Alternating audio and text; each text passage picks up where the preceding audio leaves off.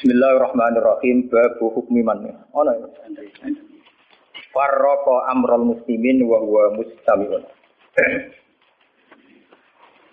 Babu hukmi man. Utawi kibab nerangno hukume wong. Farraqa kang misah-misah sapa man, kang napa ya.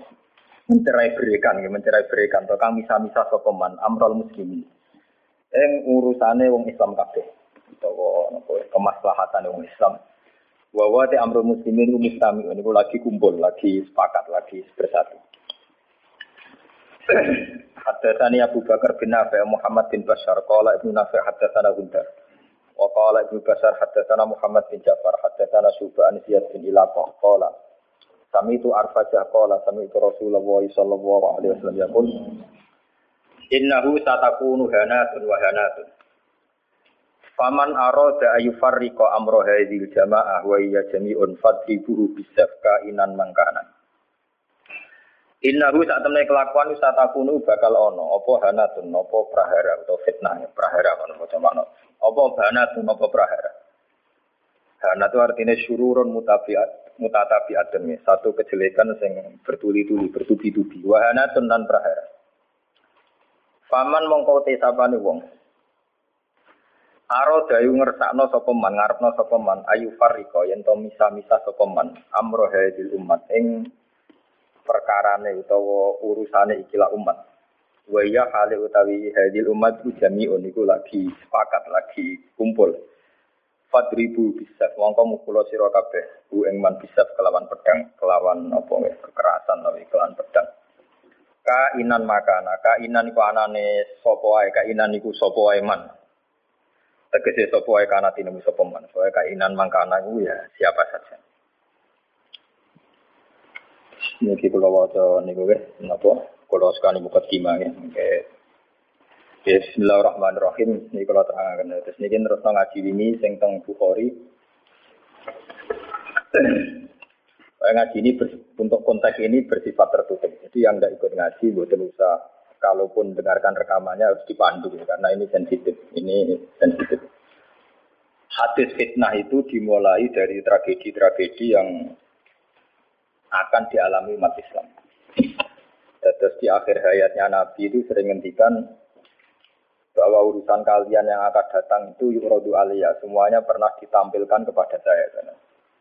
Termasuk tragedi-tragedi kemanusiaan yang akan dialami umat ini itu di akhir-akhir hayat Nabi sering ngendikan bahwa saya sebagai Nabi, saya sebagai Nabi, sebagai Rasul, yuradu alaiya amrukum. Termasuk semua dipintaskan ke saya, ditampilkan ke saya. Jadi sehingga Nabi melihat umat akan mengalami apa itu ya kayak melihat video, melihat TV. Termasuk tragedi KBBT Said Husain. Nah, Ketika itu sudah menjadi keputusan Tuhan, keputusan Allah, Nabi itu hanya bisa memandu secara syariat. Tapi Nabi tidak bisa merubah itu sebagai takdir. Ya kalau muka ini. Nabi sebagai Nabi, karena itu sudah diketahui sebagai takdir Allah itu, ya hanya melihat itu sebagai takdir. Tapi tidak bisa merubah takdir itu, hanya memandu secara apa? Syariat. Nah, panduan secara syariat itu dimulai dari misalnya Tatap tariku umati salatan wasapina firqa. Bahwa umatku nanti akan menjadi 73 kelompok. Semuanya sesat di neraka, kecuali satu. Ya Nabi hanya punya panduan, satu itu siapa ya Rasulullah? Kol ma'ana alihil wasabi. Orang-orang yang berpegangan sunnah saya dan sunnah para sahabat. Nah, itu banyak hadis-hadis di akhir hayatnya Nabi itu sering pesan begitu. Nah, coba tengah sini ini jenengan kalkulasi maling. Ini kan tentang Bukhari diterangkan. Ketika banyak fitnah, itu ketika Nabi ini kan dibantu talzam jamaatal muslimin. Kita harus ikut mayoritas. Ini rumah tenan. Apa pun kecewa sampeyan terhadap komunitas tertentu atau partai tertentu atau ormas tertentu, kita harus ikut mayoritas. Mengenai kalau ngaji tempat putih saya bilang, saya sebagai orang alim, kemungkinan saya itu kalau tidak NU ya Muhammadiyah. Selagi NU Muhammadiyah itu mayoritas, ya saya kalau tidak NU ya apa? Muhammadiyah. Partai juga gitu, saya ikut partai yang mayoritas, yang mainstream, yang umum-umum. Karena bisa dihitung ya, kalau setiap kebenaran itu diekspresikan lewat partai atau lewat ormas tertentu, berapa sih kebenaran bisa kita lakukan? Kita tidak usah nyebut contoh ya, misalnya Sampai meyakini satu kebenaran A dan B, kemudian bikin partai. Paling panter kamu sebagai manusia hanya bisa melakukan A dan B. Ada partai tertentu yang ingin memperjuangkan kebenaran tertentu. Paling banter hanya memperjuangkan satu dua bentuk kebenaran. Nah, masalahnya ketika semua ini punya ruang gerak untuk bikin kelompok, kelompok ini akan menjadi banyak dan nggak terkendali. Semuanya punya bendera sendiri, punya partai sendiri, punya ormas sendiri. Coba sekarang itu teman kalau melihat di berita-berita, berapa kelompok yang atas nama karena Nabi serbanan hitam merasa harus serbanan hitam. Karena ada riwayat bahwa Nabi itu pilokan, terus kemudian mereka kalau tidak pakai pilok merasa mengikuti sunnah Nabi. Yang nggak pakai pilok, enggak. Memang Nabi itu pakai semir. Dulu semua riwayat mengatakan Nabi Abu Bakar semua itu pakai semir. Ya gaul, Nabi lah itu pakai semir. Dan Nabi itu gaul pakai semir. Tapi semir yang sunat itu memang merah. Di kitab kita pakai semir yang sunat apa? Lho iki nanti ngaji pakai semir itu nggak malah rawan haram tuh. Sing sunat apa? Nah, jadi misalnya jadi KNO atau semir ada apa ke daerah wah gaul bah. Akhirnya ada kelompok tertentu niru semirane Nabi itu sebagai kelompok tertentu. Begitu terus. Nah itu kalau kita turuti itu akan menjadi faksi-faksi, menjadi faksi-faksi kelompok-kelompok kecil yang akan menyulitkan. Sebab itu Nabi mandu kalau sudah fitnah banyak itu talzam jamaatul muslimin. Kamu harus ikut mayoritas. Coba sekarang misalnya menyangkut Jumatan saja. Berapa masjid yang mengharamkan dipakai kelompok lain? Dan berapa masjid yang digeruduk, dirubuhkan oleh kelompok lain pula? Hanya karena satu keyakinan kebenaran kemudian diekspresikan dalam bentuk ibadah. Misalnya masjidnya A beda dengan B. B dengan apa? C. Nah itu kalau dituruti tidak ada selesainya. Nah itu Nabi berpesan, kalau ada kelompok Islam yang sedang solid, sedang solid, Kok ada yang ingin memecah, itu boleh diperangi. ribu bisa itu boleh dilawan. Bahkan harus dilawan dengan kekerasan. Kalau harus dengan kekerasan, ya boleh pakai kekerasan. Lalu itu kenapa Nabi se ekstrim itu sampai menghentikan ribu bisa? Orang itu harus dilawan dengan kekerasan. Ya tentu kalau kekerasan itu harus menjadi alternatif terakhir. Tapi yang jelas harus dilawan ya. Dalam teori modern ya harus dilawan. Tidak harus dengan pedang, harus dilawan. Kita punya sejarah dulu ya. Kayak dulu ketika mainstream Islam di Indonesia itu mengikuti pola NU atau Muhammadiyah. Dulu kita punya LDI, punya Darul Islam yang dipimpin Kartosuwiryo. Kebetulan tetangga saya dulu orang Rembang, orang Sulang, daerah Kemudian ada gerakan Aceh Merdeka. Kemudian ada Junduwo, ada kelompok-kelompok yang karena terinspirasi oleh Islam, termasuk kelompok pembunuh diri dan sebagainya. Kemudian mereka menjadi firqah hanya karena meyakini satu dua kebenaran yang ingin diperjuangkan. Tapi kelompok ini kan tidak mayoritas. Tidak mayoritas terus risikonya kan kurang komunikasi, kurang konsultasi, kurang silaturahim dengan kelompok lain. Nah itu repot. Sehingga kayak di Mekah ada Wahabi, di Mesir ada Ikhwan Muslimin, di Palestina sendiri ada Hamas, ada Al-Fatah, di Syria ada Amal Syiah, ada Syiah Imamiyah. Di Indonesia sendiri semenjak era kebebasan berbagai front-front ya banyak sekali. Semuanya mengatasnamakan apa? Memang kita terima kasih dalam hal tertentu yang diperjuangkan. Kita fair, terima kasih. Tapi bahwa kemudian saat kelompok itu melawan mayoritas mainstream Islam di Indonesia kayak NU Muhammadiyah, itu mereka punya semangat itu baru berapa hari. NU Muhammadiyah merawat Islam di Indonesia itu sudah puluhan tahun. Mereka merawat Islam dengan semangat baru beberapa hari. Mungkin bapak mereka belum sholat karena mereka kuliah ngerti berita tentang Israel atau ngerti berita tentang kemungkaran kemudian menjadi eks ekstrim. Nah, cara bahasa kasar berapa hari mereka kenal Islam. Sudah hanya satu dua kebenaran yang diperjuangkan, mereka anti sama kebenaran sudah jalan lama, yaitu kebenaran yang ditanamkan leluhur kita. Mulai ngajari anak-anak caranya sholat, caranya baca doa iftitah, caranya cuma Nina caranya sesuci dari najis. Tapi kelompok-kelompok yang istiqomah ngajar ini kan tidak menjadi populer karena ada demo pakai bendera besar-besar. Kelompok apa?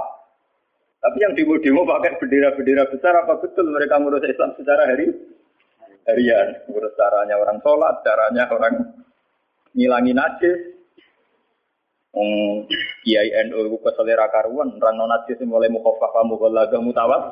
Kita angkono do ribet kayak gendera demo. Ya ora tempat kayak gendera to, wong bedina mulang urusan apa? Najis. Mulang kate jelimete ra karuan. Ana muktada mutamayiza, mukhayyizah takhayyirah sampai mbono sing gamun akhlak aku ambek ora aku. Iku entek enak sih apa? Nah itu dulu fenomena kelompok itu kata Nabi secara syariat sudah dipandu. Kamu harus ikut mayoritas kata Nabi. Ketika banyak fitnah kamu harus ikut mayoritas. Mun saat ini dihitung, ini ngaji tenan gitu. Tapi ini tertutup ya, artinya ngaji. Zaman hitung mawon.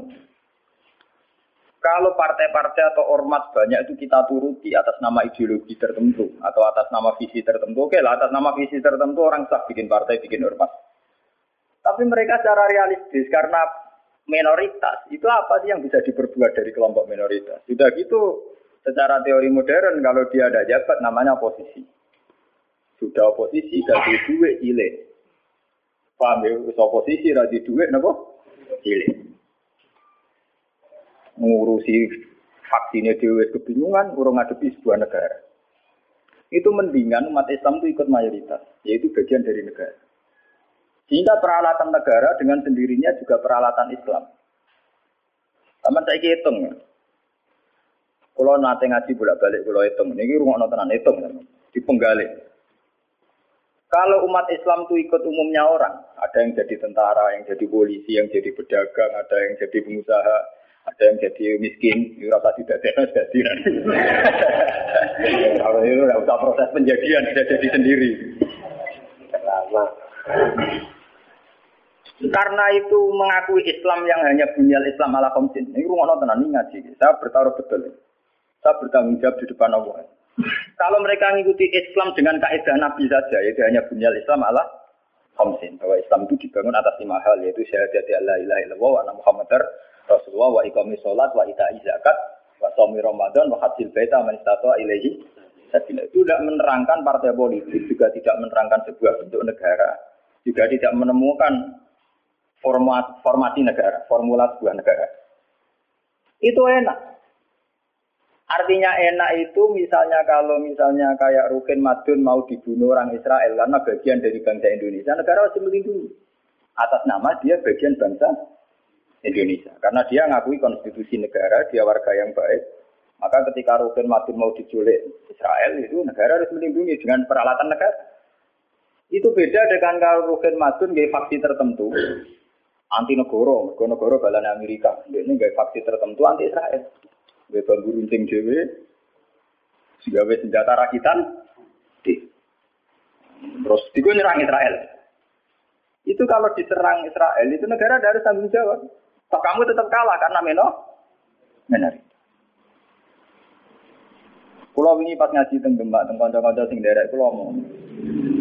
Kita secara ideologi bersimpati ya sama kelompok-kelompok yang melawan kebatilan. Tapi kalau kelompok itu kecil dan beda dengan negara, itu resikonya negara ada harus tanggung jawab. Ya kan kita cerita, kita cerita ilmiahnya saja. Ini ini bukan menyalahkan siapa-siapa. Kita cerita ilmiahnya saja. Banyak faksi-faksi kecil kayak kasus di Sudan, di Khartoum, di Darfur, di Rwanda, di Kenya. Itu sama kalau melihat berita di Kenya, di mana itu yang sering ada penculiknya itu yang Somalia ya, Somalia. Kelompok-kelompok kecil ini kan bikin satu faksi yang anti negara. Terus mereka atas nama kebenaran yang diyakini bikin gerakan tertentu. Hamas juga beda dengan Al-Fatah sebagai penguasa ya, karena presidennya dari kelompok apa? Fatah. Itu untuk menghadapi musuh itu repot karena dia tidak dihitung sebuah negara, tapi dihitung sebuah kelompok. Tapi kalau para kiai itu ikut bagian dari negara, itu yang harus melindungi negara. Sehingga dengan sendirinya, kalau kita bagian dari negara kayak Rukin Madun ya ikut punya Kodam Brawijaya, ikut punya Kodam Diponegoro, ikut punya Pangdam Jaya. Karena negara harus melindungi rakyatnya dan itu rakyat yang sah karena tidak rakyat yang mau bikin kelompok yang anti negara. Negara. Jadi hitung-hitungan strategis. Sebab itu sejarah Wali Songo itu tidak ada yang tidak ngakui sistem negara. Dulu ketika Sunan Ampel itu dapat Ampel Denta itu bagian dari Majapahit. Ketika beliau ingin bikin negara, juga ngakui sistem pola negara. Yaitu pola negara saat itu harus dipimpin seorang raden, sehingga Sunan Ampel tidak nyuruh wali-wali yang lain, tapi nyuruh Sunan Raden Sinten. Begitu terus zaman Basim Asari juga ikut masumi. Ngakui proses bernegara secara konstitusional. Sehingga Basim ya ikut masumi saja. Ke kelompok bagian dari negara. Dulu ketika era Soekarno ya ada kabinet K4 termasuk NU yang ngakui proses hukum negara. Karena dengan NU ikut partai politik dan bagian dari negara itu kalau diserang Malaysia atau Portugal ya ada nyerang Indonesia. Itu beda dengan kita misalnya kalau kecewa sama negara terus bikin kelompok tertentu yang anti negara. Itu kalau kelompok lain nyerang ya kamu sebagai kelompok bukan sebagai negara. Dan itu risikonya tinggi. Artinya secara syariat itu Nabi benar ketika memandu talzam jamaatul muslimin. Kamu ikut kelompok mayoritas orang Islam. Tidak orang mukmin. Muslimin itu lebih preman. Muslim itu ya preman mlebu, gento ya napa? Mlebu, ngomongnya sing kaya kula rapati gento malah mlebu. Lho nggih karena aturan Islam, kalau dalam terminologi agama, muslim itu kelasnya itu paling rendah, paling umum. Karena kelas pertama itu Islam, terus iman, terus ihsan. Makanya di Quran itu qolatil a'rabu amanna. Kullam tu'minu walakin kulu Aslam nah, di Quran Qolatil Arab amanah. Ngomong desa muni amanah. Tak jane urung level e muni amanah. Lagi as aslam. Nah, padahal Nabi nyuruh talzam jamaatal muslim. Terus pokoknya malah umumnya orang Islam. Mana kulo pun bolak balik cerita. Saya ini termasuk ulama yang bukan nanti sholat takhiyat masjid dua orang. Mereka umumnya uang rata dia malah rata orang. Saking kulo loh tapi itu tiru loh. Karena saya begitu berangkat dari muata ilmu saya gitu loh. Jadi orang krono kaslan tak hitung secara strategi menapa. Ini toko-toko kalau tak gini kalau diseneng. Wah, cocok gini kejebak umumnya uang. Kalau nggak itu biasa, marung di pasar ya, santai mawon. Nanti bakulnya gitu bangga. Kesuai sering jarang mriki. Aku loh terlalu urusan ono cerita ulama marung muruah ono buan. Bapak yang umumnya wong Islam lu marung ya napa? Marung. Termasuk umumnya kasus sithik-sithik duwe. Akhir gak nemen-nemen. Misalnya nyenengi tonggo selingkuh akhir gak nemen-nemen. Pokoknya sing umum-umum mah. Niki penting ya. Kenapa saya mengatakan ini penting? Jika kamu ngitung umat Islam yang soleh saja, maka mayoritas Islam di Indonesia itu hanya dua persen. Paling sing soleh orang Islam hanya dua persen. Jika kamu ngitung yang agak soleh, maka paling jumlahnya sepuluh persen. Coba kalau kamu hitung, pokoknya yang berKTP Islam, maka jumlah kita bisa 80 persen. Aku seneng daerah ini Islam rong persen apa walang pulau persen. Meskipun resiko walang pulau persen, sini keramat tungkak, sini doli, Islam gak apa KTP ini. Dulu kalau Jakarta kan keramat tungkak, kalau Surabaya do Beli Jogja Bunti Pasar Kembang bu Pasar. Nah kalau nanti penelitian, kalau ini kan termasuk di itu memang resikonya dihitung kabeh itu yang melebu kan. Tapi kamu bisa 80 persen. Jika karena jumlah mayoritas 80 persen dengan ngitung WTS, lonte, gento dan sebagainya, itu tetap menjadi mainstream. Presiden harus Islam karena dihitung 80 persen. Coba kamu nuruti kesalahan sepihak, maka Islam jumlahnya hanya dua persen.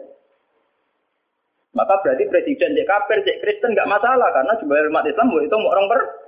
Ya ini gua anggap Islam ra penting. Islam ra kanggu mergo WTS. Ya, tapi akhirnya gara-gara ragu itu jumlah orang Islam mau lima. Resikonya di presiden Kristen itu masalah karena mau dihitung. Coba kalau kamu tetap hitung semua. Itu tetap 80 persen. Akhirnya kita tegak sebagai mayoritas. mayoritas. Memang kamu masuk Islam mayoritas sudah ditopang Islam BTS maling dan sebagainya. Beda lagi lah. Kita berdiri tegak sebagai mayoritas itu ditopang Islam Islam sini dualan sing gendo-gendo. Dari apa kita tegak sendiri? Sebab itu Nabi memandu. Kalau kelompok sudah bulat, itu tetap kita ikut mayoritas. Talzam jamaatan. Itu ngaji kita. Makanya wa huwa mustamiun. Kita masih sepakat bahwa Islam itu harus jalannya bunyal Islam ala komit. Kita mengikuti panduan hadis sahih bahwa Islam hanya bunyal Islam ala komit. Yang namanya Islam itu ya hanya syahadat, sholat, zakat, puasa dan haji. Itu. Nah, bahwa, dan ini cerita ilmu sosiologi, bahwa kita ingin punya presiden Islam, bupati Islam, gubernur Islam, itu bawaan psikologi mayoritas. Itu eleng-eleng, bukan ideologi Islam. Saya sebagai ulama bertanggung jawab terhadap mazhab ini. Kita ingin presiden Islam, bupati, gubernur Islam, legislator Islam, itu bawaan kita sebagai mayoritas. Karena kita sebagai mayoritas, tentu presidennya dari kelompok mayoritas, yaitu Islam. Andai kan Islam kita itu di NTT, andai kan Islam kamu itu di Ambon atau di Bali, kamu udah akan, misalnya Madun, Madun sekarang dibantu. Tersinggung ketika bupatinya ada Islam. Coba kalau kamu ditegur jadi orang NTT. Paling bupati ini Kristen yang penting gak merubah masjid. Misalnya Mustafa, begini, hidup di Amerika, dia paling pikirannya kan, dia tidak mensyaratkan presiden Islam, ya nyarat gubernur Islam. Yang penting gak ngusir wong. Tapi saat dia dia bantul karena mayoritas, dia misalkan bupatinya. Itu bukti bahwa keinginan kita punya bupati gubernur Islam itu bawaan mayoritas, bawaan psikologi mayor, mayoritas, bukan bawaan ideologi Islam. Kalau Islam ya hanya bunyal Islam Allah Homsin. Bangunan Islam ya hanya lima itu. Bangunan iman ya hanya enam itu. Paham ya? Nah, sama nggak usah teruskan. Kalau gitu partai politik Islam penting dan itu sensitif, nak takut ngono sensitif. Mau wis balik ngaji ini sensitif. Senengane kok takut sing sensitif. Takut sing umum-umum wae. Misalnya takut sing umum, lah penake piye Gus wong Islam? Ya dia duwe uraan sithik-sithik, nah dosa di sepuro pangeran. Wong di duwe ora dosa to, Tapi mungkin di sepuro pangeran. Tapi ini ngaji, ini penting ngaji. Jadi ngaji yang kemarin kan jelas ya, ketika banyak fitnah, banyak tragedi, pesan Nabi Nabi talzam jamaatan. Itu dalam sebuah hadis ada yang lebih ekstrim lagi. Nabi ngendikan waman sadda sadda finnar. Siapa yang ingin bikin kelompok sendiri merasa benar sendiri, maka waman sadda sadda finnar. Dia akan masuk neraka. Itu artinya pentingnya sebuah mayoritas. Karena mayoritas ini penting, kita akan ikut sesuai umumnya orang. Karena mati wasiat kulase. Kalau kita ngaji secara tasawuf ya mati wasiat kulase. Kulo sering ngaji teng santri-santri. Kulo ada ngaji kulo nganti nangis. Kulo ceritani. Kulo niku ulama. Kulo sering numpak mobil pribadi gitu, sering ngebis gitu. Ketemu preman gitu, sering kulo sering lunga dhewean. Tak ceritani. Kita ini sebagai mukmin kan meyakini mati wasiat. Rahmatnya Allah itu ada di mana-mana dan lewat siapa saja. Kalau kita misalnya jadi kiai, wah sementing ngurusi santri. Sekali mau dewean kecelakaan. Wong sini dalan-dalan rata-rata wong. Sing sering memberi pertolongan dini nak nong kecelakaan ning dalan-dalan ya wong ning dalan-dalan. Kurang arah Pak Kiai. Ya orang arah wong pati soleh tenanan. Tapi ternyata Allah membuat orang di jalan-jalan hikmahnya banyak. Mereka adalah orang-orang yang sering melakukan pertolongan dini saat ada kecelakaan. Mereka adalah orang-orang gara-gara nih dalan-dalan nong kesasar takut alamat ditakoi. Kue tahu di ganjaran zona alamat nong kesasar. Kok kita orang tahu dalan? Tapi ternyata rahmati Allah dilipat nong nih dalan-dalan kita lu ngoning di raro alamatnya takut orang yang di jalan. Kita harus iman karo rahmati wasiat pula. Rahmatnya Allah di mana? Nanti kalau ulama lagi biasa tentang terminal, ketemu macam-macam gitu biasa. Cara pulau gitu biasa, tak mau coba mati wasiat nopo. Kalau biasa lah Ya, artinya ya kita harus iman. Dan saat kita meyakini mayoritas bahwa rahmatnya Allah Taala itu mayoritas, Islam juga mayoritas. Kita merasa saat di pondok ya kumpul orang Islam, saat di terminal kumpul orang Islam, yang jalan ya kumpul orang Islam. Coba kalau kamu pakai eksklusif, untuk minang begitu cabut itu fasek kabeh. Baru ngono butuh ngising itu biasa wong fasek wong bayar. Mbok dalili, nulung wong kok bayar fasek. Nah, gue malah iso ngising kan. Fasek ke Allah, penting nyediakno WC kena bengi. Di bang soleh rabi fasilitas. Fasek ke Allah. Jadi contoh-contoh betapa eksklusifme, satu perasaan eksklusif itu menyesatkan. Allah sendiri terbuka rahmati wasiat kulas. Lah kulase ini lebih dekat mayoritas apa minoritas? Lebih dekat teori apa? Mayoritas. Nah, makanya saat ini kita ngaji ini ya, bahwa panduan Nabi untuk mengikuti mayoritas itu secara syariat memang sudah benar dan setelah teori rasional teknis juga sudah benar. Cuma kan saya harus menyampaikan ini lewat ngaji bahwa ini bukan akal-akalannya Memang ada di kitab yang diyakini sahih yaitu ini kitab Muslim. Muslim itu dua kitab yang satu paket dengan Bukhari nopo Muslim. Satu dua kitab yang diyakini sahih setelah kitab buah.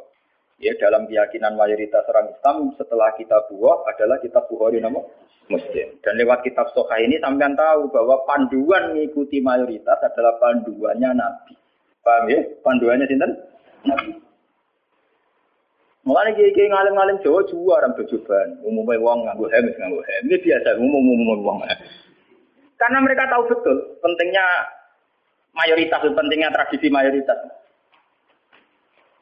Mereka jarang orang-orang alim memaksakan jubahan, maksudnya paling kadang-kadang pas jumatan dan macam, tapi ini kemauan ya wong tertentu, jubarang, semua ngalim. Nah rapati ngalim kata, tapi Barang pun apa terus. Ngalim-ngalim kali beru mesti biasa-biasa wae. Panak. Ada bener kuwi ada tenan. Sing umum-umum mawon. Mohon kalau terus akan saniki. Lah, ketika kebenaran itu ternyata tidak sesuai dengan perilaku pejabat atau perilaku sebuah pemerintahan itu kayak apa? Nah ini terus babu wujubil ingkar ala lumara fima yukholifu syarka watar kita lihim masallahu wa Ini panduan bagaimana ketika kebenaran itu benturan dengan pejabat-pejabat yang korup, yang salah, dengan hukum-hukum pemerintahan yang salah itu gimana? Ini langsung kalau wajah hadisnya gitu. Bahwa saat demikian kita wajib ingkar tapi tidak harus perang. Kalau wajah. Haddatana Haddad bin Khalid. Haddatsana Hammam bin Yahya, haddatsana Qatada anil Hasan, Ad-Dubbah bin Mihsan, an Ummi Salam, anna Rasulullah sallallahu alaihi wasallam. Saat aku nu umaro fata'rifu nawatung kirun. Faman arofa bari'a waman angkaro salima. Walakin man rodiya wa taba'a. Qalu afala nuqatiluhum qala la ma Ini panduan saat kita sebagai orang soleh ngadepi pejabat-pejabat yang nakal misalnya. Saat aku nu bakal ono sapa umaro pira-pira pemimpin, pira-pira amir, pira-pira pemimpin. Pemimpin ini bisa pejabat, bisa pemimpin kultural, pemimpin ormas, wae pemimpin. Umaro jamu amir. Fatarifuna mongko kenal sira kabeh tapi watung kiru nalan ingkar sira kabeh.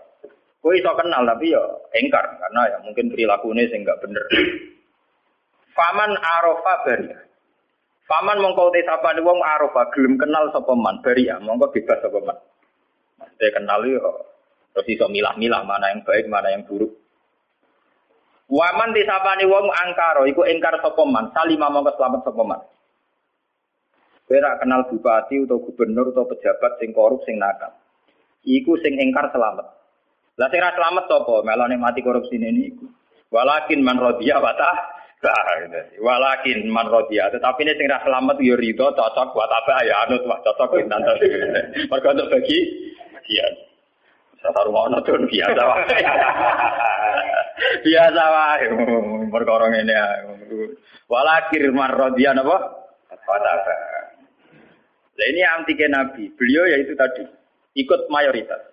Nabi ditanya, kalau ketika kita melihat pejabat yang mungkar, yang enggak benar, apalah nukotiluhum? Ono to ora merangi kita hum ing Umar.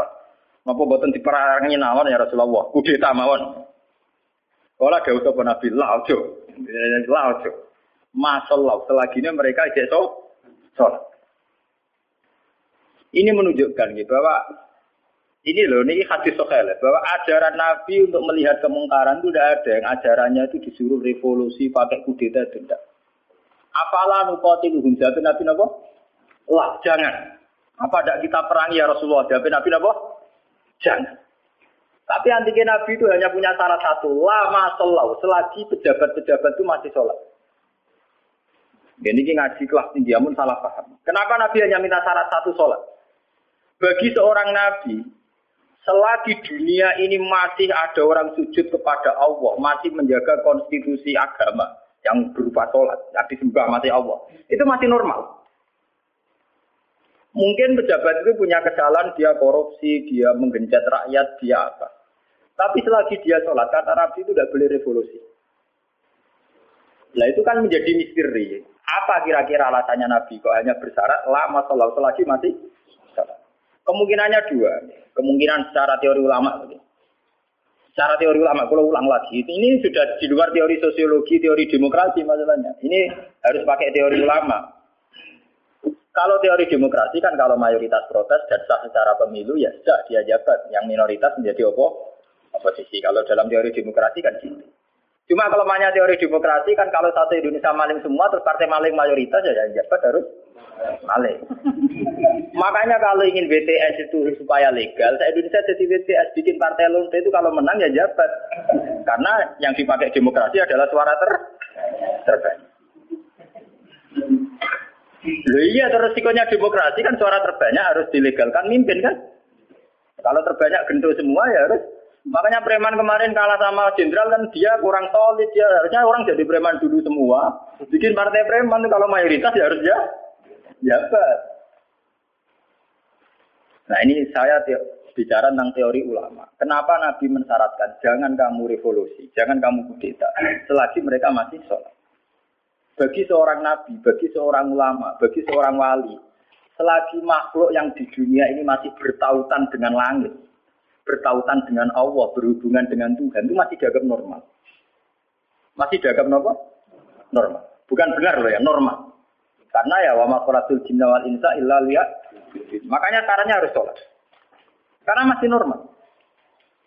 Artinya seorang nabi itu tidak janggal-janggal amat ketika seorang yang nakal itu masih sholat. Seorang yang zina masih sholat. Karena masih sholat itu artinya masih ngaku eksistensi Tuhan. Artinya dia masih ngaku eksistensi apa? Tuhan. Karena sudah fase tidak sholat itu sudah tidak ngaku eksistensi Tuhan. Dia bisa keceluk komunis atau ateis atau apa saja. Lebih parah lagi. Itu kenapa sirinya, kenapa dosa sirik begitu tidak diampuni, dianggap dosa terbesar. Karena memungkiri eksistensi apa? Tuhan. Selagi orang masih sholat, itu ngaku eksistensi Tuhan. Ya, teman saya ingin pikir ya. ya. tapi korupsi kan menyengsarakan rakyat. Korupsi itu menyengsarakan rakyat dalam konteks rakyat yang nggak punya ketahanan. Karena misalnya APBD dikorupsi bupati sehingga tidak ada pembangunan Bantul atau Sleman atau negara mana saja. Paling banter sarana umum yang terbengkalai. Tapi masyarakat yang punya ketahanan hidup secara baik, dia punya pertanian yang baik, punya perdagangan yang baik, itu pejabat korupsi hanya dia dosa saja dengan Tuhan, karena rakyatnya punya ketahanan sendiri. Makanya Nabi berpesan semua kesalahan itu dimulai dari masyarakat tidak punya ketahanan. Alaikum anfusakum la yadurrukum man dhalla idza Kalau kita sudah miskin, pejabatnya korup, kita tambah miskin karena kita kayanya menggantung kebijakan negara. Misalnya lewat BLT, lewat sarana umum, lewat pekerjaan masalah. Tapi kalau kita sudah kaya, pejabat korupsi itu hanya salahnya dia dengan negara. Tidak punya akibat ke kita karena kita sudah ku. Jadi ya pejabat korupsi salah, sama dengan salah. Tapi jangan katakan bahwa korupsi sumber segala bencana enggak. Sumber segala bencana adalah saat individu cara hidup tidak sehat, cara berekonomi tidak sehat. Ingat itu dalam aturan Islam kullukum ro'in bahwa kalian pemimpin pada diri sendiri. Saat diri sendiri kita tidak kuat dengan kesalahan orang lain kita rentan. Bahkan saat dimiskin tanpa dimiskinkan kita tidak miskin. Kata siapa kalau pemiskinan negara ini karena salahnya Orde Baru? Madun ra usah ana sing miskin, wis miskin dhewe. Rukin ra usah ana sing miskin, wis miskin. Idam samawi ra usah dolim ning rukin wis kere. Berarti kekerean ini bukan kesalahan kebijakan pemerintah. kesalahan SDM kita kan. Memang pemerintah ikut memperparah pejabat, tapi jangan katakan begitu. Wis kali-kali nyala dhewe kok. Kita ini tanpa dimiskinkan orang sudah mis tanpa didolimi orang sudah terdolimi oleh perilaku kita sendiri, oleh pilihan hidup kita sendiri. Yang orang salah sih marat kok marat. Ada dari kaca pulau, wah aku baru mergawe modal tak mungkin bangkrut, gue bangkrut bar modal, aku sedikit bangkrut. kira gue bawaan, wah kira laten. Nih, artinya kira-kira kita ini adikan pejabatnya sudah hasil, itu ya tetap kere. Jadi bupati Bantul, cek Sleman, cek dia, itu ora korupsi lah, sing kiri tetep kiri. Bukan repot, kami nyala kok. Tunggalnya sistem pendidikan nasional dirubah nganti ngeluh mendiknas ya. Wong tarik SDM rendah atau sinau tetep ben ben. Sebelum ada paket-paket UNAS ya wis bento. Bentone ora salah pemerintah, nyerah gelem belajar. Apa susah sih rasa sekolah belajar di maca-maca buku tak apa. Jadi kita ini kan bodoh sedurunge dibodoh, no melarat sedurunge melarat. Makanya Nabi itu tidak begitu itu, tidak begitu fanatik dengan aturan-aturan sosial. Nabi sebagai Nabi hanya punya pesan lama sholat, selagi masih sholat. Selagi di alam raya ini masih ada orang yang mentautkan, yang mengkaitkan hubungan hidup di dunia ini dengan Allah, dengan Tuhan itu masih normal. Oleh oleh Nabi dianggap masih normal. Jika Nabi kalau nyurati raja-raja ya kamu masuk Islam. Setelah Islam kamu selamat. Itu Nabi tidak ada syarat bahwa kamu harus menjadi rakyat saya, pengikut saya itu enggak. Karena ya nak, seorang Nabi itu hanya butuh supaya dia manusia di alam raya ini punya tautan, punya hubungan dengan hukum Tuhan. Makanya Nabi menghentikan lama sholat, selagi masih sholat. Itu kemungkinan pertama. Kemungkinan kedua, Nabi masih berharap dengan sholat itu, kalaupun dia nakal, tidak nakal-nakal lama. Tidak mungkin seorang yang sholat istiqomah, kemudian nakalnya nakal-nakal lama. Karena tidak mungkin dengan kekuatan sholat itu kemudian menjadikan berzinaan menjadi kebutuhan. Menjadikan minum menjadi kebutuhan. Paling eksiden. Kelebihannya orang sholat, kalaupun dia zina itu eksiden. Gak kuat ngempet, kecelakaan. Apa nyabu, gak kuat ngempet, kecelakaan. Dia tidak akan menjadikan kecelakaan atau kesalahan kayak zina minum sebagai kebutuhan. Itu beda dengan orang yang tidak beragama. Bisa menjadikan fisik kebutuhan, minum kebutuhan, nyabu kebutuhan Kelebihannya agama adalah sebuah kesalahan itu hanya aksiden, kecelakaan, kepleset. Mengenai dalam bahasa atau ini ke, kepleset. Dia berkomitmen anti zina cuma karena sebagai manusia tahu kepleset zina. Dia anti narkoba, kepleset narkoba. Dia tetap anti kemungkaran sebagai manusia kepleset di kemung. Itu beda dengan saat kita ateis atau komunis. Kita dari awal tidak percaya surga neraka, tidak percaya Tuhan, tidak percaya sanksi. Maka semua kesalahan ini ada ada salah, ada ada benar. Nah, itu tidak normal. Cara Nabi kalau kondisi sudah gitu itu sangat tidak normal. Paham ya? Makanya harus dibedakan kesalahan yang menjadi kebutuhan dengan kesalahan jadi aksiden hanya kecelakaan. Ya kayak Rokan sebagai sufi ya bukan merem, tapi sebagai uang ya kadang kecelakaan dulu orang ayu. tapi dia yakin itu dosa ya, yakin dan ya istighfar itu kelebihannya agama kan gitu. Orang ya di ruang salah tapi balik meneh, salah balik meneh. Makanya bahasanya orang agama itu kan munib, orang yang mudah kembali ya karena kesasar barang mulai meneh. Jadinya munib, rojak.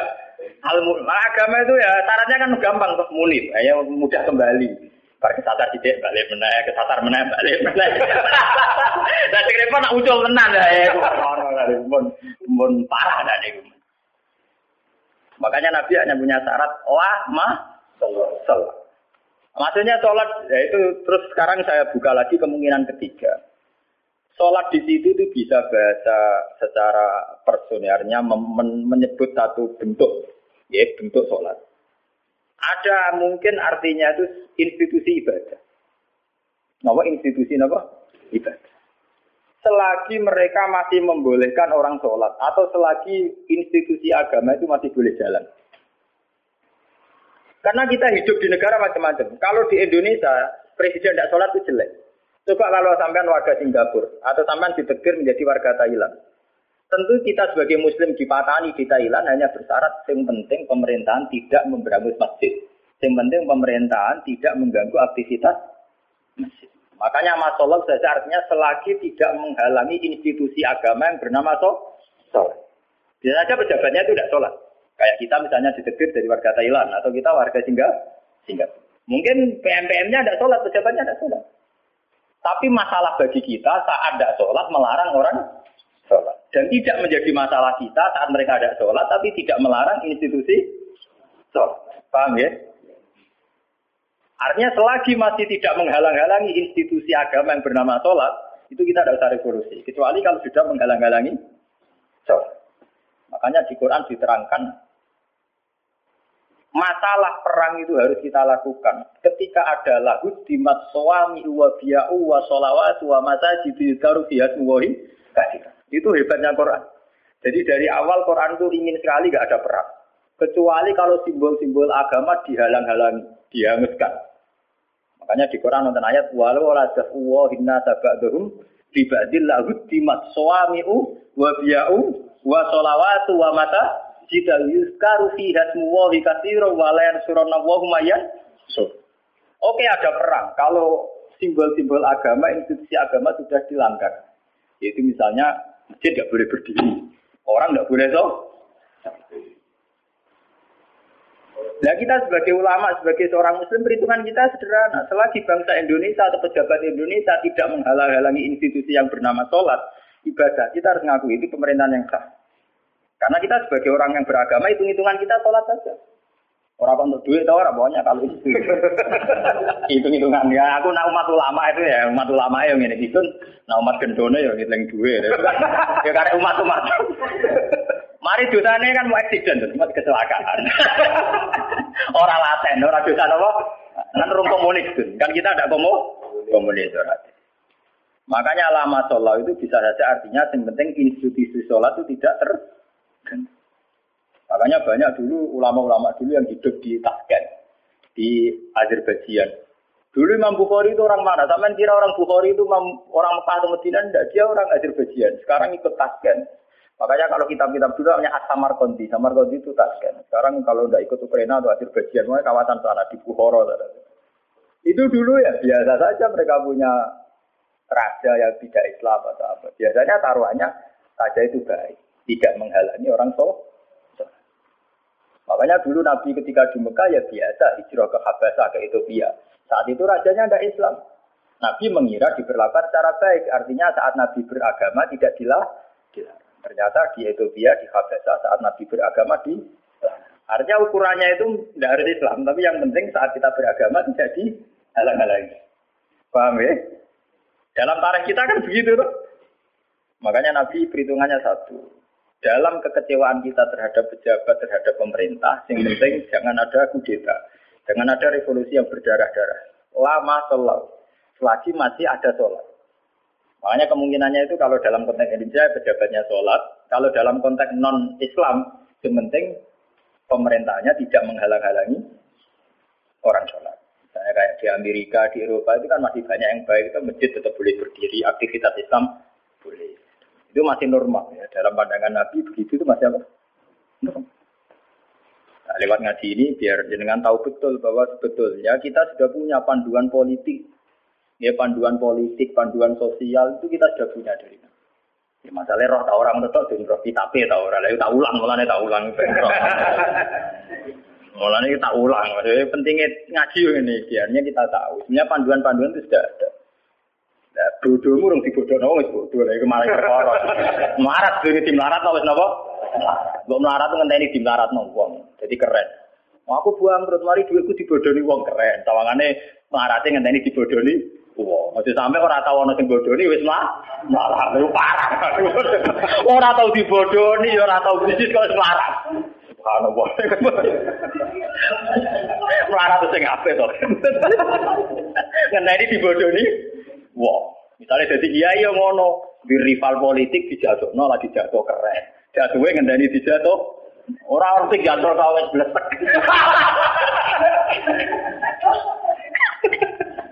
Mau ya jatuh ngenteni orang jatuh no tau kan lumayan. Tawangannya orang sing digabeng hitam, hitam. Mau bisa jadi kiai gara-gara ini ku terus ambles. Orang orang nyai bisa ambles. Waduh. Wah nak jatuh sing terhormat, melarat sing ter. Eh sopan tidak urip. Jadi walakin marrodia wata. Kalau kode mater sopo sahabat apalah nu kau tidur. Mono orang merangi kita hum ing umaro. Jabe Nabi kola lah, gak usah revolusi, gak usah perang mah. Selalu lagi sholat ya.